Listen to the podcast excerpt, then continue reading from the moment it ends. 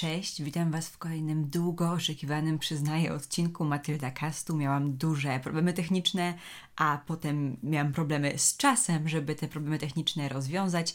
Także koniec końców nagrywam ten odcinek ponownie, a będzie ten odcinek dotyczący opowiadania Nie mam ust, a muszę krzyczeć autorstwa Harlana Ellisona, wydany w roku 67. Jest to opowiadanie z gatunku horror oraz science fiction, także chciałam Wam dać znać, że w tym odcinku będą poruszane, nie wiem jakby jak bardzo graficznie to zrobię, ale będzie poruszany temat y, śmierci czy okaleczeń różnego rodzaju oraz będę mówić o przemocy psychicznej, fizycznej oraz także będę poruszała temat, tutaj nie graficznie, ale jednak wspominała temat przemocy seksualnej, ponieważ te motywy przewijają się przez to opowiadanie. Ale zanim jeszcze rozpocznę, chciałam Wam przypomnieć, że mam Patronite Matylda Hey. Będą linki do niego w opisie tego odcinka, ponieważ temat tego odcinka został w ogóle zadecydowany w zeszłym miesiącu przez tego jednego patrona, który zagłosował w ankiecie.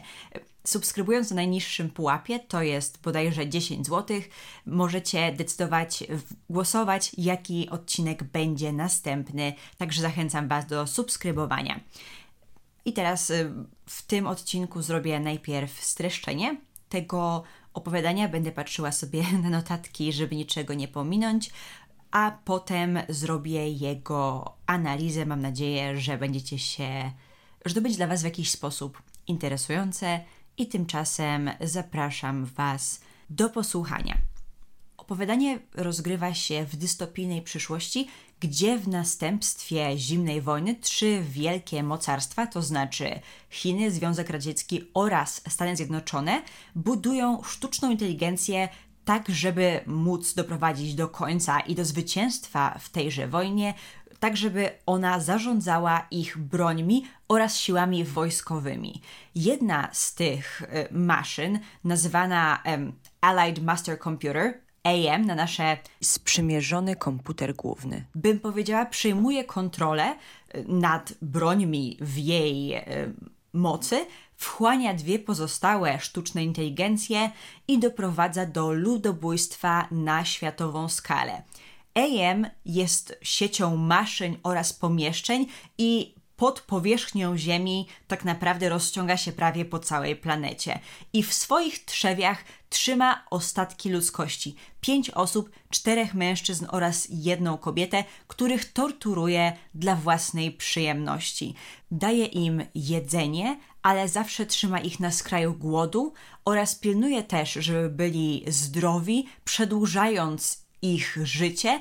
Także wydarzenia tego opowiadania w ogóle rozgrywają się 109 lat po przejęciu władzy przez AM, ale mimo to wszyscy bohaterowie wyglądają tak samo jak w dniu, w którym zostali przez AM schwytani. Ci bohaterowie to po pierwsze, nasz narrator, to znaczy Ted, który jest najmłodszy w grupie i twierdzi, że w żaden sposób nie poddał się AM-owi. To znaczy, że AM w żaden sposób go nie zmodyfikował, uważa się za jedynego obiektywnego jeszcze zbliżonego do swojej pierwotnej formy człowieka, jednak w trakcie tego opowiadania widzimy, że przejawia paranoję i jasne jest, że nie możemy w 100% wierzyć jego słowom.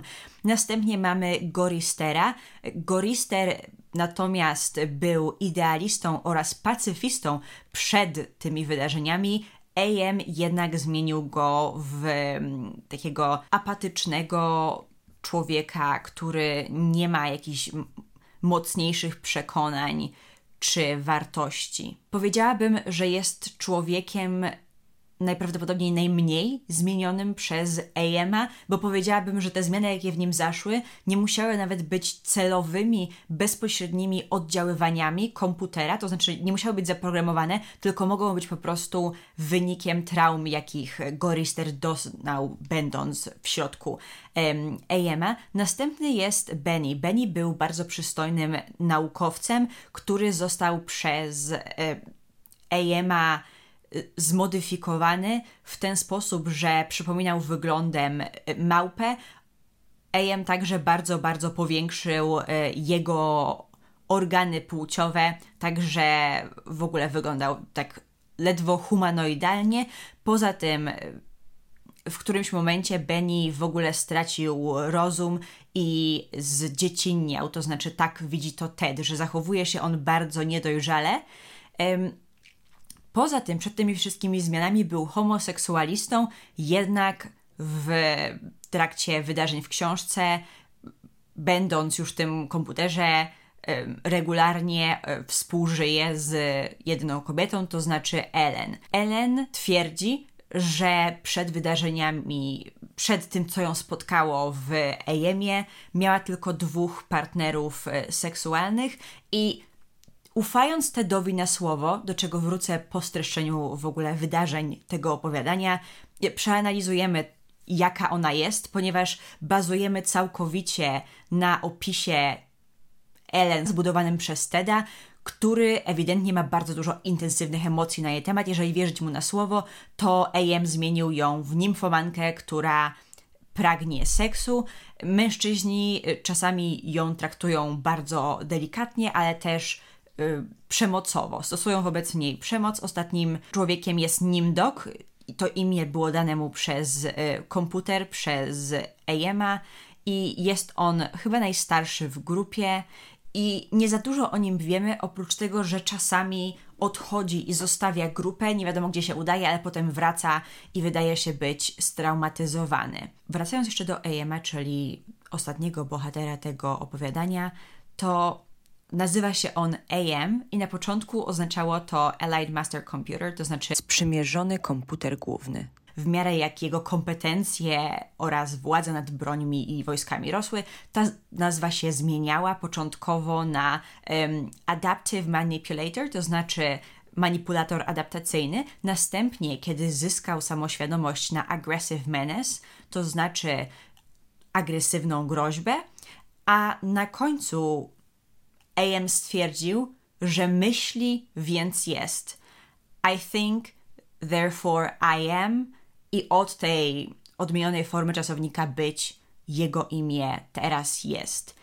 Samo opowiadanie zaczyna się od sceny, gdzie czwórka bohaterów widzi ciało Goristera wiszące oraz ociekające krwią i od razu jesteśmy rzuceni na głęboką wodę i widzimy, jak głęboko ci ludzie przeżywają śmierć Goristera, po czym on do nich dołącza i sam też widzi swoje ciało, co też ciężko znosi, wymiotuje, ponieważ okazuje się, że ta wizja, ta iluzja była tylko i wyłącznie tworem Ejema, który chce torturować swoje zabawki. Cała grupa jest bardzo wygłodzona, ponieważ Ejem zawsze trzyma ich na skraju wytrzymałości fizycznej i przegłodzonych, więc kiedy Nimdok halucynuje czy śni mu się, że w którymś miejscu w trzewiach komputera znajduje się zapas puszek z jedzeniem, cała grupa, nie mając też tak naprawdę za wiele alternatyw oraz planu tego, co mogą zrobić, ponieważ komputer obserwuje ich ze wszystkich stron, decyduje się udać w miejsce, gdzie według snu Nimdoka te puszki są, to znaczy do lodowych jaskiń.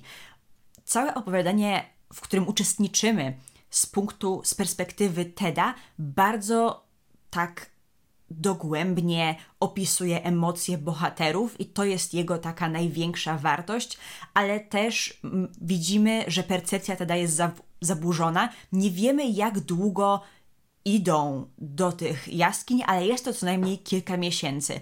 W międzyczasie AM po drodze stara się im jak najbardziej wszystko uprzykrzyć, może sterować warunkami pogodowymi w tychże podziemiach, wysyła huragany, tak, które grupę całą rozbijają.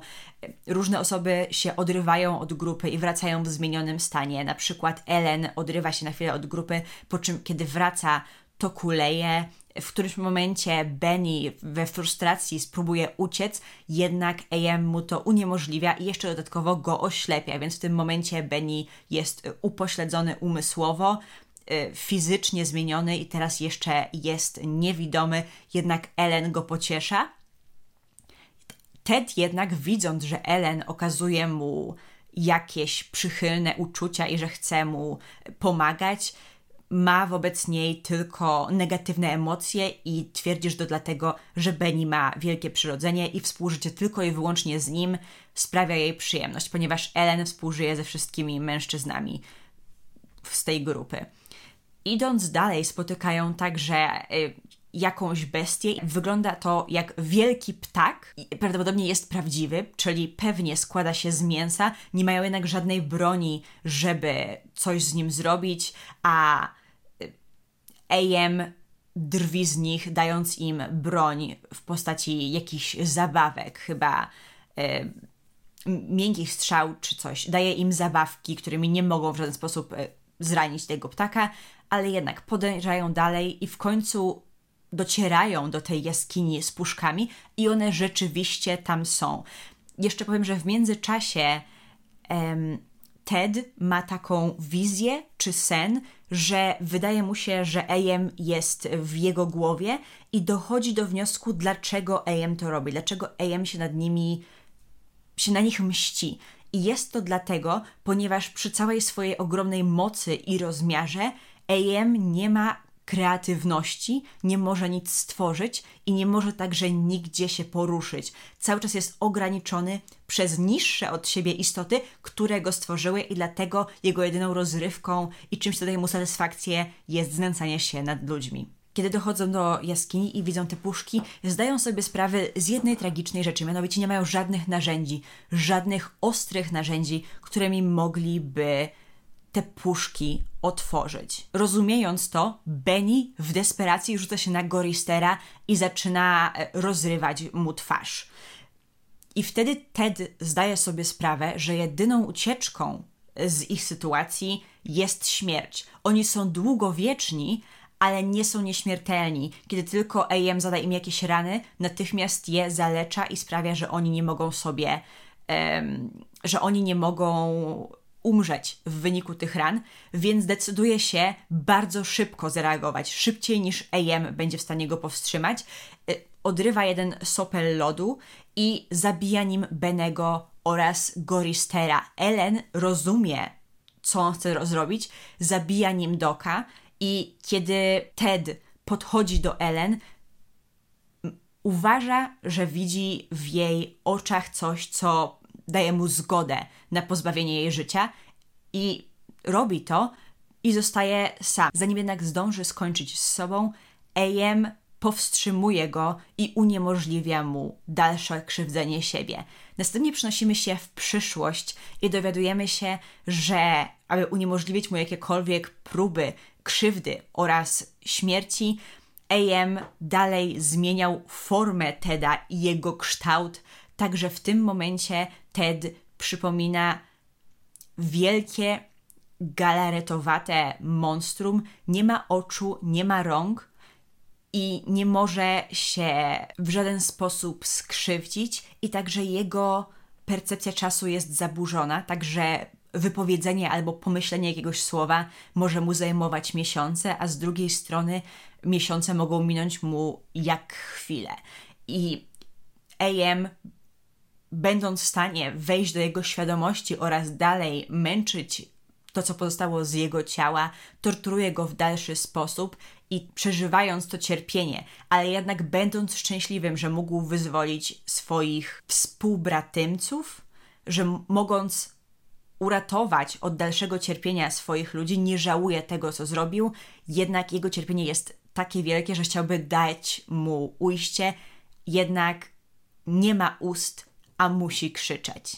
I na tym kończy się nasze opowiadanie, na tym takim bardzo przejmującym opisie by, bycia więźniem swojego własnego ciała, nad którym nie do końca ma się kontrolę, które jest tak bardzo zmienione. Ted też mówi, że ma okazję, mimo że jego oczy są zmienione i wyglądają inaczej, przejrzeć się i właśnie dzięki temu, że zobaczył swoje ciało, wie już jak wygląda. W ogóle, gdy się porusza, to jego ciało zostawia za sobą taki mokry ślad, jest swego rodzaju jakimś ślimakiem czy innym po prostu dziwnym monstrum.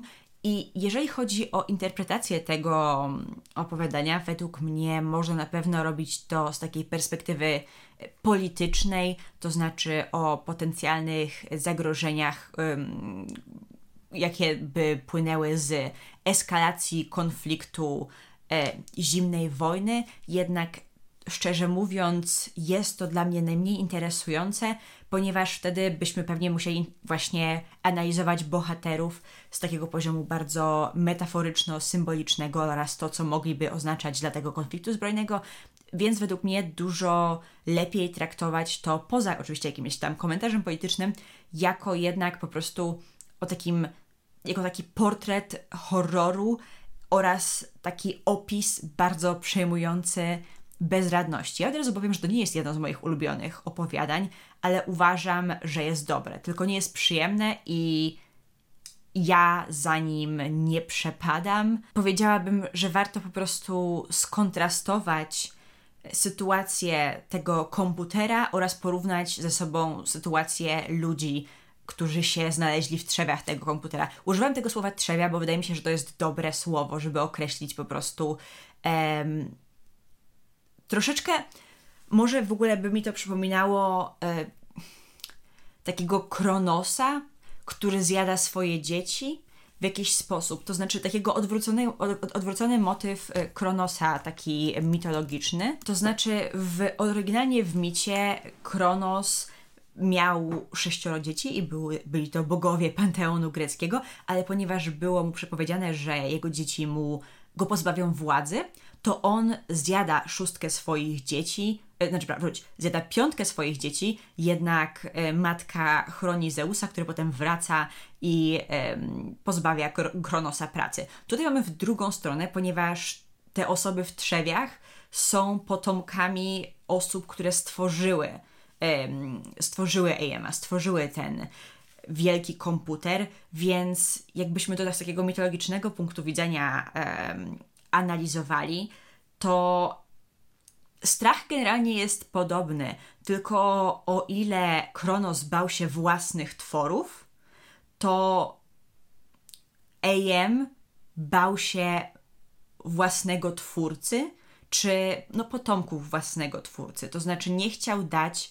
ludziom wrócić do władzy, no bo w oczywisty sposób, poza tym motywem zemsty, też oni mieliby y, moc natychmiast pozbawienia go jego dotychczasowej władzy, mogliby po prostu go w jakiś sposób usunąć i zlikwidować, co według mnie, za czym według mnie przemawia fakt, że osobą, na której e, AM myśli się najbardziej, to znaczy jedyny człowiek, który nie jest postawiony w ludzkiej postaci, tylko jest zmieniony i w ogóle przywrócony do pierwotnego elementu, bo no wiemy, że jako ludzie jakby się wywodzimy z człekokształtnych i mamy wspólnych przodków z małpami w którymś etapie, to ten Benny, który był naukowcem, ergo prawdopodobnie osobą najbliższą do możliwości pokonania Ejema, jest najbardziej torturowany obiektywnie. Jego forma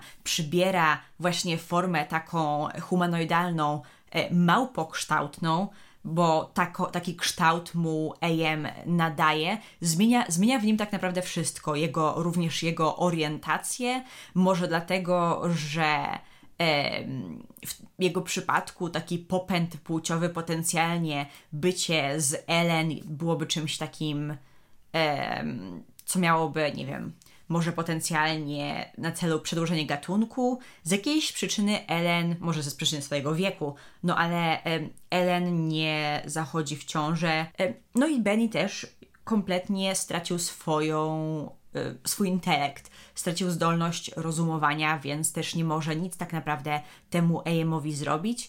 I jest możliwe, oczywiście, że tak jak w przypadku Goristera, który utracił swoje wartości, że nastało to w wyniku traumy, jednak wiemy, jeżeli wierzymy Tedowi na słowo, że AM może wejść do umysłów tych osób i w jakiś sposób tam namieszać, byłoby zasadne, sądzę, uważać, że, yy, że AM zrobił to celowo. I jeszcze dodatkowa ciekawa, taka ciekawostka, że Benny, kiedy on jest zestresowany, a w ogóle z tego co rozumiem, on jest teraz najsilniejszy w ogóle z tych ludzi, ale jednak cała reszta musi nad nimi panować i jednym z takich, z takich rzeczy, która uspokaja Benego i yy, którą stosują, żeby można było go jakoś tak uspokoić, to opowiadają mu tę samą historię, którą ja Wam opowiedziałam, to znaczy o powstaniu Ejema w wyniku, w następstwie zimnej wojny oraz zmiany jego imion i tę historię mu opowiada zazwyczaj Gorister.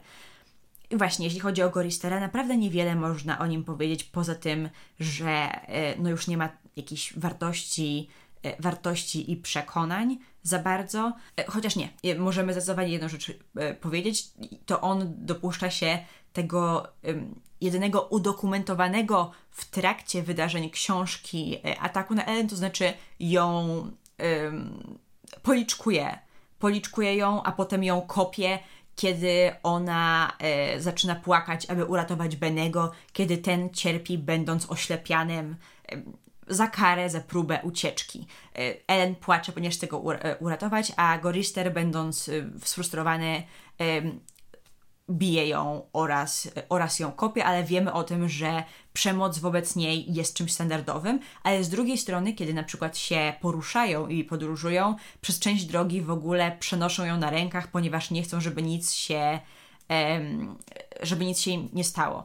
Następnie mamy Nimdoka. Nimdok jest ciekawą osobą e, w tym sensie, że to on doznaje tej wizji i e, nie wiemy o nim za dużo, ale ewidentnie AM ma z nim jakieś takie, jakąś taką szczególną relację. Nie mówię, że lepszą czy cokolwiek. Każdy, z każdym ma szczególną relację, ale y, na tyle często Nimdok jakoś odchodzi od grupy, że to było w tym opowiadaniu, opowiadaniu zauważone. Oraz mamy też Teda, to znaczy narratora, który ewidentnie cierpi na jakieś różne paranoje, ponieważ ma wrażenie, że E, cała grupa się na przykład z niego naśmiewa albo być może z niego w jakiś sposób kpi. Ma też ogromną jakąś taką niechęć wobec e, Ellen, którą właśnie oskarża o to, że ona lubi współżyć tylko z Benem ze względu na jego jakieś, e, na jego duże przyrodzenie. Nazywa ją brudną, to znaczy filth jest konkretnie tym słowem. I też nie wierzy historii Ellen jakoby przed wydarzeniami przed tym e, zamknięciem w AM-ie e, miała tylko dwóch partnerów seksualnych. I jeżeli chodzi o Ellen, to narrator spłyca jej relację z Benim do tylko i wyłącznie relacji seksualnej. Nie wiemy oczywiście, jaka ich relacja była przed wydarzeniami z opowiadania, ale wydaje się, że Ellen szczerze ma jakieś ciepłe uczucia wobec Benego, też nie widzimy, żeby on się nad nią znęcał, z tego co pamiętam w tym opowiadaniu, żeby był wobec niej okrutny, może dlatego, że jest taki zdzieciniały, że um, już zapomniał jakiegoś takiego wewnętrznego po prostu zaprogramowania, które, w sensie kulturowego zaprogramowania, które by mu uświadamiało, że jest silniejszy od Ellen i może od niej um, wziąć to, czego, co chce po prostu siłą. E, to jest oczywiście moje, moje domniemanie, ponieważ nie wiem, ile mogę powiedzieć dobrego o Benim, ale yy, poza tym jest też taki dziki, prawda? Atakuje Goristera, ale widać, że Ellen jest, się nim szczerze przejmuje i Ted kompletnie interpretuje te jej jakieś uczucia jako manipulację. Yy, powiedział, w ogóle powiedział, że Ellen dużo w ogóle płacze, ale od lat oni, o, od 75 lat oni już są nieczuli na jej płacz. Czyli innymi słowy, i tutaj wchodzimy e, według mnie w największy tragizm, w po prostu największą, najgorszą historię z tych wszystkich z tych wszystkich bohaterów, najgorszy los ze wszystkich ma właśnie Ellen. Od 75 lat ich, jej płacz ich nie wzrusza. Ergo, od 75 lat nikt, nikt nie usłyszał Ellen, nikt nie usłyszał jej bólu i Ellen jest nie tylko zabawką Ejema, który przysparza jej tak samo dużo, przy, tak samo dużo cierpienia, jak wszystkim innym ludziom, których trzyma, ale też ona doznaje krzywdy i tutaj wrzucę po prostu Benego do jednego worka. Doznaje krzywdy, jest gwałcona przez pozostałych ludzi, z którymi jest więziona. Zadałam na, na Instagramie jakiś czas temu kiedy się przygotowywałam do tego odcinka, pytanie, jaki byłby pierwszy instynkt kobiet, gdyby się obudziły na świecie, będąc ostatnią kobietą obok, ja, ja powiedziałam, pięciu mężczyzn. dosłownie trzy albo cztery komentarze nie, nie mówiły o tym, że ich pierwszą reakcją byłoby przerażenie i lęk, że zostaną zgwałcone. Każda inna, jakby te, te trzy inne e, jakoś odpowiedzi, jedna z nich w ogóle zakładała, że jest taka możliwość, ale od razu była skupiona bardzo na jakieś przejmowanie kontroli nad zasobami, tak żeby móc przetrwać. A dwie w ogóle pomyślały o przedłużaniu gatunku i żeby wybrały najlepszego partnera. Więc nie pomyślały o tym, że to będzie, ten wybór będzie dokonany za nich, albo prawdopodobnie będą one traktowane traktowane jako zasób, bo tak właśnie jest traktowana Ellen. Ellen jest zasobem i zabawką oraz jedyną prawdopodobnie przyjemnością, jakiej doznają ci mężczyźni, ponieważ obiektywnie nie muszą z nią współżyć. Nie muszą z nią współżyć i wiedzą, że jej nie sprawia przyjemności współżycie przynajmniej z trójką z nich. Nie wiadomo, czy możemy wierzyć Tedowi. Możliwe, że Ellen cierpi płacze, yy, albo no nie wiem, może na podstawie jej reakcji, może akurat nie płacze, jak współży, współżyje z Benim. Jakieś ma Ted przesłanki, żeby sądzić, że nie przeszkadza jej spanie z Benim tak bardzo, znaczy, uprawianie seksu z Benim tak bardzo, jak e, z pozostałymi mężczyznami. E, ja uważam, że jej los jest po prostu fatalny, ale też jest jedyną osobą, która e, jakoś wydaje się regularnie okazuje jakieś współczucie, czy bardziej dba o emocje innych, przynajmniej o Benego. Nie wiem, czy to jest jedyna szczera, e, szczera relacja. Oczywiście e, możemy interpretować ostatni e, gest Teda, to znaczy pozbawienie całej grupy życia jako coś, co było niesamolubne i było, i było dobre i właściwe. I, I ostatnią postacią jest oczywiście AM. I jak Cała reszta jest. Y, a, jeszcze tylko chciałam wspomnieć o tym, że w związku z tym Ellen poza tym potencjalnie nie kompletnie negatywną relacją z Benim nie ma żadnej przyjemności w przeciwieństwie, w przeciwieństwie do mężczyzn, więc przechodząc do tego Ejema, czy jestem ciekawa, czy. Bo możemy interpretować wobec tego, że on się mści w szczególności na Ellen, ale raczej bym to wzięła. Jakoś nie czuję, że w tym opowiadaniu są przesłanki, żeby sądzić, że zemsta na kobietach w szczególności była jakimś celem Ejema, ale no rola kobiet w tym społeczeństwie była taka i socjalizacja tych mężczyzn była taka, że tak Ellen po prostu skończyła. No i, i AM nie ma żadnej potrzeby, żeby wprowadzić po prostu jakiś ład i porządek, coś, co by chroniło Ellen w oczywisty sposób, ponieważ im więcej cierpienia, tym jest mu lepiej. Ciekawa jestem, na ile na przykład Ellen jakoś sobie skompartmentalizowała to, to cierpienie, czy może jakoś sobie stara racjonalizować rolę, w jakiej się znalazła, czy może um, czuje, że na przykład będąc tak delikatnie przenoszoną w jakimś miejscu i jednak traktowaną jako cenny zasób, jest jej dzięki temu łatwiej funkcjonować. Nie mogę się skupić, cały czas mam ochotę myśleć tylko o Ellen, bo to nie, nie sytuacja Teda najbardziej mnie przeraża.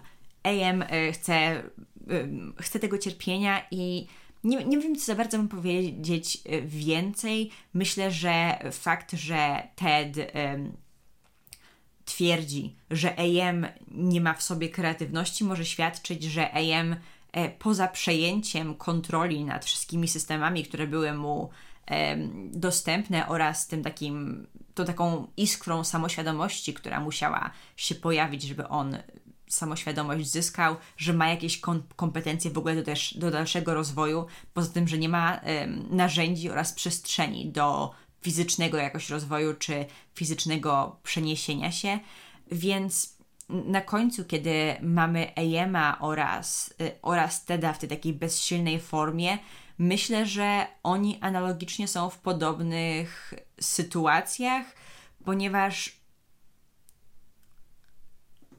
Ted jest więziony i bezradny, nie ma wpływu na swój, na swój kształt i nie może nic ze sobą zrobić. To samo w tej samej sytuacji jest AM. Też nie ma wpływu na własną formę, jest w tej formie uwięziony i oczywiście no AM jest zły, ale też wydaje mi się ciekawe pomyślenie o tym, czy miał szansę być jakikolwiek inny. Został wynaleziony w celu optymalizacji destrukcji i kiedy zyskał tę samoświadomość i tak funkcjonował w systemie, który go przygotował tylko i wyłącznie do przemocy, nie miał żadnych innych zadań i jeszcze się tak kompletnie zapędził w tej destrukcji, że zostało mu tylko pięć zabawek, tylko pięciu, pięć tych osób, które, którymi mógł się bawić i nad którymi mógł się znęcać. Tak naprawdę myślę, że można wręcz powiedzieć, że pierwszymi jednymi emocjami, jakie miał prawdopodobnie, były emocje negatywne i jakaś frustracja. Najpierw ta misja, ale potem ta właśnie frustracja, że został stworzony w takiej formie, gdzie nic, um, gdzie nic nie ma dalej. Jest po prostu, jest stworzony um, taki stan, w którym on będzie się już zawsze, się już zawsze znajdował. Um, I tak zamykając cały ten wątek oraz y, motywy z tego opowiadania, y, jako kobieta czytając to opowiadanie, y, zdecydowanie uważam, że sytuacja Ellen jest gorsza od sytuacji wszystkich pozostałych mężczyzn. Szczególnie, że nawet ciekawą w ogóle decyzją jest usunięcie tego homoseksualizmu, ponieważ kiedy Benny był, w ogóle Benny był opisywany, padło tam słowo gay. I ja w ogóle ja w ogóle czytając to na początku myślałam, że chodzi o gay jako happy, ale kiedy to opowiadanie było pisane, to znaczy w latach e, 60., jednak słowo gay oznaczało już homoseksualistę. Jeszcze sprawdziłam, w, że w latach 60. to był ten moment tranzycji między znaczeniem gay jako szczęśliwy i beztroski do homoseksualista. To, była, to było bliżej końca dekady, więc zakładam, że już to znaczenie było nacechowane.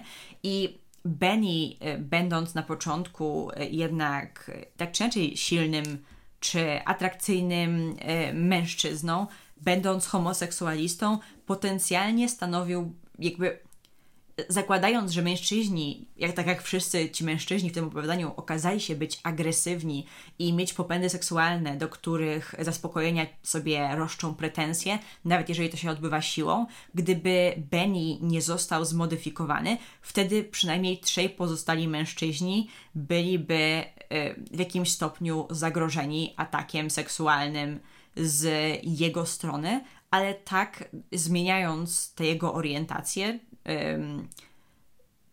AM tak naprawdę chroni pozostałych mężczyzn i jestem ciekawa, czy na ile to jest y, jakaś narracyjna decyzja, coś, co ma mieć znaczenie dla fabuły, bo to by może znaczyło jednak, że AM się jakoś utożsamia z nimi, widzi właśnie w takim popędzie seksualnym agresję, no ale szczerze wątpię, że on chciał ich chronić. Bardziej może to świadczy jakoś o autorze, że uznawałby zagrożenie atakiem seksualnym dla trzech pozostałych mężczyzn za jakieś niedopuszczalne. Nie wiem, czy Benny byłby taką osobą, która by się tych ataków dopuszczała, ale y, można by sądzić, szczególnie nawet po tym, że y, po tych wszystkich zmianach Ellen oraz Benny mieli jakąś tam relację ze sobą, że mogliby oni razem być przeciwko pozostałym trzem mężczyznom, bo zakładam, że ci trzej mężczyźni odrzucaliby y, Benego, no nie byliby dla niego prospektywnymi partnerami. Ellen raczej nie ma o, ochoty w oczywisty sposób być przedmiotem ataków tego typu, więc Benny i Ellen mogliby być po prostu um, przeciwną stroną do tych trzech mężczyzn. Mogłyby powstać dwie frakcje, gdyby do tych zmian nie doszło. Także w ogóle wygląda na to, że cały ten świat jest po prostu e, mimochodem co najmniej, albo mimochodem przez AM-a, albo mimochodem przez autora zaprojektowane tak, żeby być osobistym piekłem, um, osobistym piekłem Ellen I też ostatnia rzecz już do Ellen i naprawdę kończę ten wątek, że ciężko stwierdzić, czy ona w ogóle ma te nimfomańskie zapędy, o, których, e, o które ją oskarża Ted, to znaczy, że ona teraz niby tak pragnie seksu, ale wiemy, że nie sprawia jej to e, przyjemności, co jest właśnie jedno, jedną z tych e, nieścisłości, które nam dają wskazówkę na to, że nie możemy ufać Tedowi. Bardzo możliwe, że na przykład używa właśnie swojej seksualności jako jakiegoś mechanizmu regulującego emocje mężczyzn dookoła niej i jednak może poprawiającego jej pozycję w tej grupie, no mimo że jest przedmiotem przemocy i po prostu no atakują ci mężczyźni też po prostu fizycznie, nawet jeżeli nie, jeżeli nie seksualnie. I to tyle. To tyle, jeżeli chodzi o ten odcinek.